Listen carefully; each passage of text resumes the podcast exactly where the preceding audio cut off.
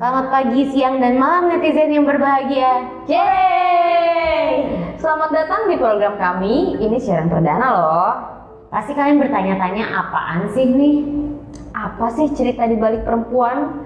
Jadi, cerita di balik perempuan adalah program baru dari Kabar Golkar Ben. Podcast yang membahas tentang kisah, isu, dan fenomena yang terjadi di kehidupan perempuan Indonesia. Jadi buat perempuan doang apa? Enggak dong.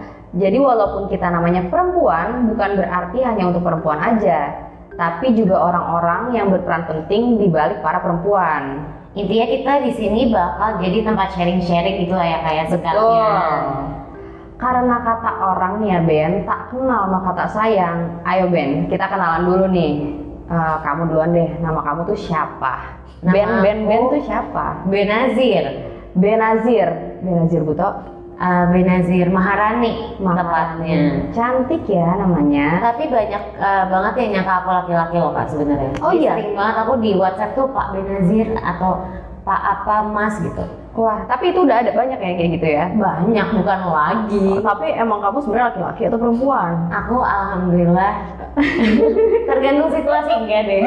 Perempuan perempuan. Kalau Kak Klarin sendiri nih, Oke, tapi kamu udah menyebutkan nama aku. Nama aku Klarin, Klarin Gita. oh ini yang sering disebut harta tahta Klarin Dieta itu ya? Mantap. Oke, berarti bener nih yang ini nih ibunya nih. Yang ini saya. Oke, kalau misalnya tadi nama, kalau background Kak Klarin sendiri nih mungkin teman-teman online belum pada tahu. Jadi, aku ini perempuan yang berumur pokoknya milenial deh. Oke. Ah, enggak sih, sebenarnya aku generasi Z. Percaya nggak? enggak ya? Ibunya generasi Z apa enggak? Terima kasih loh. Oke. Kalau kamu apa nih? Kamu generasi apa nih? Kalau aku generasi Micin? Micin pasti. Pasti. Pokoknya aku, aku tuh masih ngerasain yang nonton-nonton Amigos gitu loh kak. Cuman aku juga udah bisa ditarik ke Centennial juga. Ah, Aku masih ngerasain tuh yang namanya ngegulung kaset. Itu aku masih ngerasain. masih ya? Masih Tapi kalau kayak udah platform segala macam juga ngerasain ya? ngerasain. Oke oke oke. Jadi Ben, untuk episode pertama ini kita sebenarnya pengen ngajak teman-teman online juga nih untuk meluangin waktu ngedoain semua korban bencana yang sedang terjadi akhir-akhir ini di Indonesia. Eh, sebenarnya aku pribadi sangat prihatin dan sangat terluka banget hatinya mendengar banyak bencana di Indonesia sekarang ini. Benar banget kak di saat kita beruntung banget bisa berlindung di rumah dari pandemi COVID-19 gitu orang-orang tuh sampai harus lupa akan kehadiran virus itu agar untuk bertahan mereka tuh ya udah udah lupa aja karena adanya hanya pengungsian misalnya. Betul. Jadi aku kemarin sempet nih Ben ke salah satu, oh sama kamu kan ya? Iya. Aku lupa. Jadi kita kemarin sempet ke Sumedang, daerah Jawa Barat. Jawa Barat. Itu kita melihat langsung eh, lokasi bencana di sana karena ada acara apa namanya Pemberian bantuan Betul. kemanusiaan dari Golkar. dari Golkar. Aku lihat di sana sedih awalnya, sedih banget ya nggak sih? Mm-mm. Dan ternyata juga banyak korban yang belum ditemukan. Padahal sudah hari ke-8 waktu itu. Iya, tapi selain kesedihan itu sendiri, jadinya ada apa ya kak? Ada rasa mungkin kalau dibilang senang bakal jahat banget, cuman ada rasa eh, happy bahwa kemanusiaan tuh masih ada banget gitu di di saat semua orang sebenarnya lagi susah. Bener. Karena aku ngelihat banyak banget yang secara pribadi, secara kelompok atau melalui eh, komunitas itu mereka datang membantu, memberikan bantuan gitu ataupun misalnya orang-orang sekitar yang ikut membantu. Pero, Bener Ben. Jadi kalau menurut seorang Benazir, apa sih yang bisa kita lakuin dari sini? hmm, yang pasti eh, paling gampang dan paling gratis itu adalah mengirim doa ya kayak pastinya. Mengirim doa sama kalau memang ada berlebih itu ikut mengirimkan bantuan gitu. Betul. Kayak kita nggak perlu uh, kalau misalnya ada aja gitu, yang ada aja nggak perlu Nggak perlu maksain, mahal, iya. perlu banyak-banyak. Kita bisa patungan sama temen, teman segeng, ya nggak Iya, sih? segeng. Teman arisan gue nih, gitu kan? Iya. Bisa patungan, bisa apa? Temen nongkrong. karena kan juga kita lagi nggak bisa nongkrong juga kan kak Betul. jadi harusnya ada tuh alokasi-alokasi dana berlebih yang bisa diberikan kepada yang lebih membutuhkan Betul, betul, betul banget. Sebenarnya aku juga kepikiran sih ada hal yang lebih jauh lebih mudah dan kita bisa lakukan secara konsisten setiap harinya Apa tuh Ben? dengan share info atau update sesuatu yang eh, apa ya positif kali ya melalui sosial media masing-masing Benar, yang bermanfaat pastinya ya. Iya, karena aku ngerasanya eh, kita emang emang yang terjadi itu lagi buruk-buruk semua gitu. Gimana Hmm. cara kita nyeimbanginnya dengan ya udah kita eh, memberitakan sesuatu yang positif dari diri kita sendiri misalnya. Aku setuju. Jadi eh, apa ya? Informatif tuh boleh, boleh banget. Tapi jangan sampai malah menyebarkan negativity atau malah pesimisme gitu. Jadi menurut aku orang tuh udah sama-sama susah nih hidupnya ya. Ada yang susah cari nafkah, ada yang susah menghadapi bencana, ada yang susah jagain kesehatan satu keluarga. Jadi janganlah nambah-nambah beban dengan berita-berita hoax negatif, apalagi ya hoax-hoax yang nggak penting gitu deh. Ya. Pasti kan banyak yang eh, sering mikir yang kayak ya udah sih orang cuma berita doang nggak bakal bikin lo mati gitu. Mm-mm. Ngedengerin berita tuh nggak bakal bikin kenapa-napa. Tapi sebenarnya ya kalau ini tanpa misalnya tanpa riset eh, macam-macam pun kita bisa menganalogikannya misalnya kita setiap hari ngedengar berita buruk. Hmm. Berita buruk itu kan mau nggak mau pasti nyebabin apa ya? Nyebabin kecemasan, stres dan lain-lain. Betul. Yang aku sangat yakin itu pasti ngefek nih ke imun kita. Sementara kita tuh sekarang modalnya satu-satunya cuma imun doang. Betul. Apalagi kayak mama-mama dan papa-papa nih ya, mamaku deh. Eh, kalau misal ada berita yang, aduh judulnya tuh udah ngeri gitu, pasti kan, aduh kepikiran segala macam, ujung-ujungnya sakit kepala, gitu kan. Mm-mm. Kasian gitu kalau misalnya kita nyebarin hoax atau berita-berita yang apa ya negatif gitu, dibaca orang tua kita juga kasihan gitu. Makanya ada orang yang sampai bilang berita itu, berita buruk itu sama dengan junk food. Hmm. Sesuatu yang emang menarik, cepat dan instan gitu. Bikin gendut tuh ya. Iya, terus tapi emang berbahaya sebenarnya pelan-pelan mungkin buat kesehatan. Nah, kalau misalnya berita baik itu sama dengan sayuran dan buah-buahan. Nah itu sehat tuh. Yang sebenarnya nggak mungkin langsung bikin kamu sehat atau gimana, cuman narasi-narasi positif tuh pasti ada manfaatnya ke Benar. mental kita sendiri dan ke kesehatan tubuh juga. Walaupun tapi pasti orang med- bukan orang media ya yang menyebarkan itu akan bilang ya gimana? Ada juga berita buruk. Masa kita pura-pura bikin berita baik? Ya nggak sih?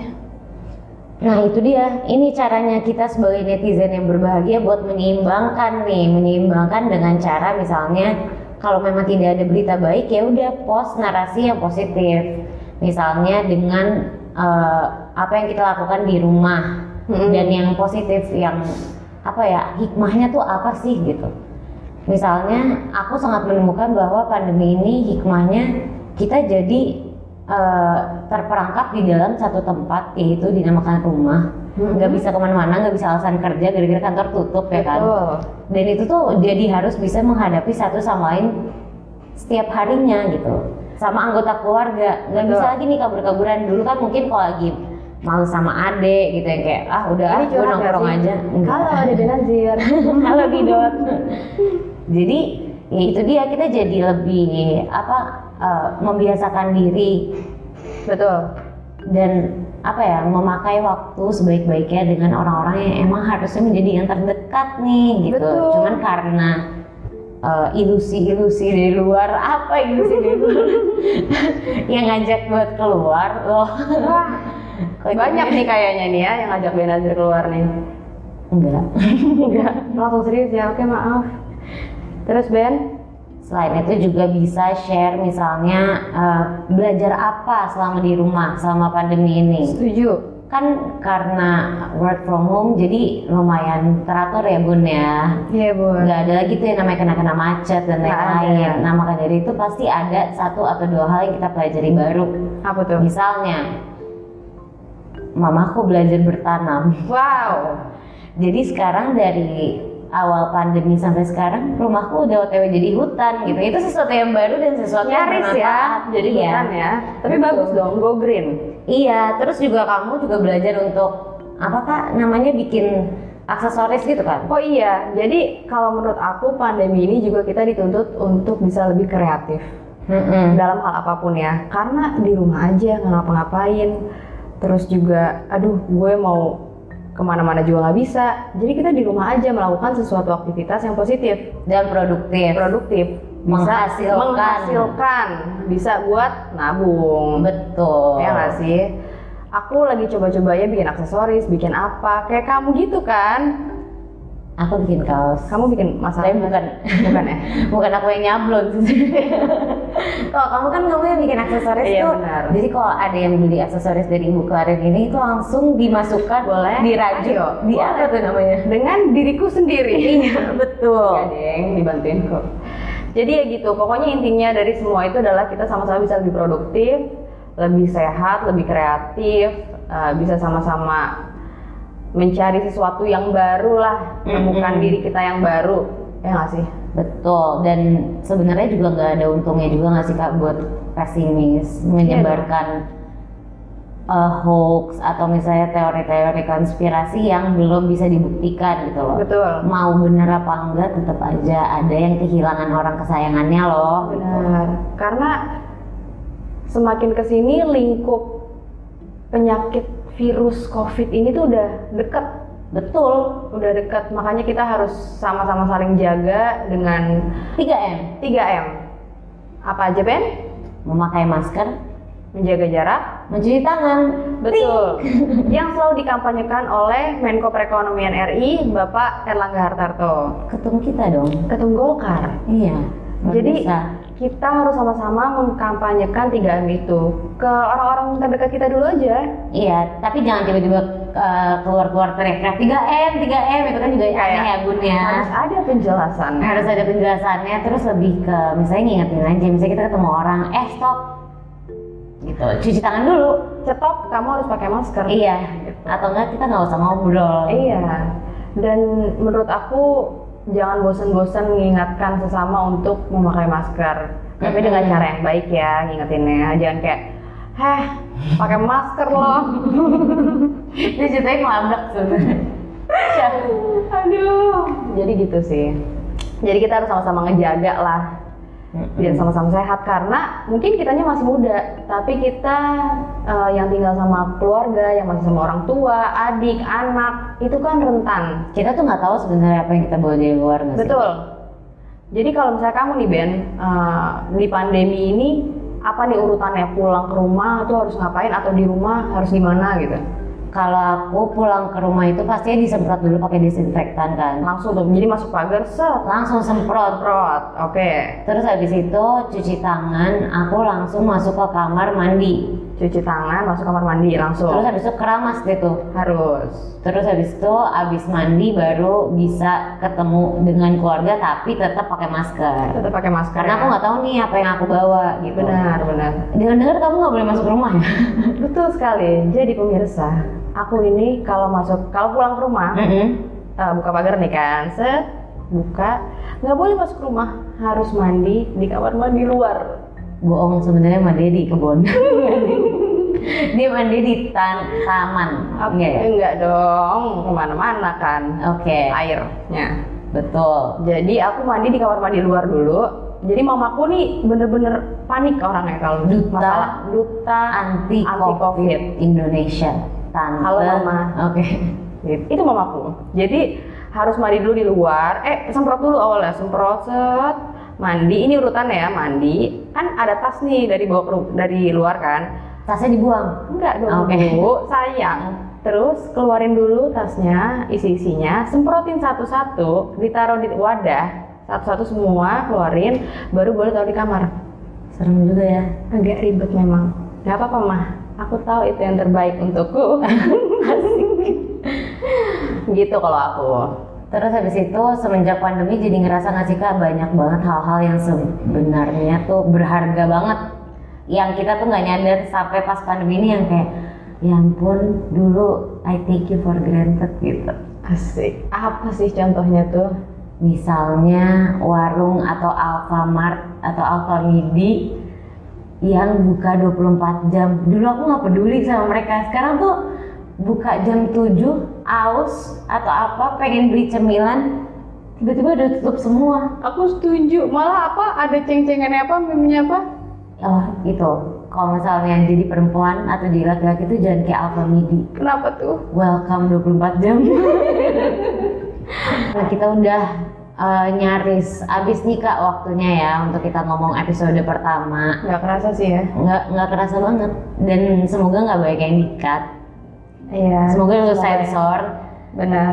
Semoga kalian semua ingin mendengarkan suara kita lagi. Iya, kita janji bakal ngehadirin bintang tamu yang spektakuler Yang pasti bombastis. yang kalian tuh nggak bakal bisa dengar di mana-mana Betul. kecuali sama kita doang. Nah, jadi harus dengerin terus. Dan juga harapan aku nih Ben, podcast ini bisa menjadi platform berbagi dan informasi salah. Ulang ya. Nah, harapan aku juga nih Ben, podcast ini bisa menjadi platform berbagi informasi dan kisah inspiratif terutama untuk perempuan yang tertarik dengan dunia politik.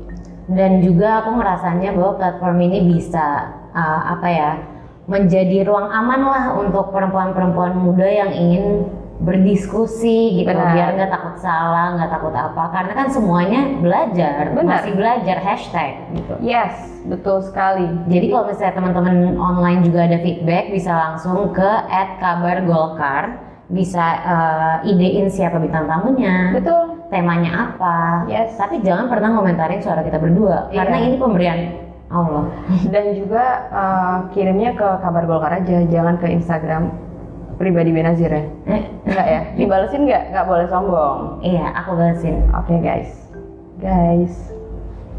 Oke segitu aja.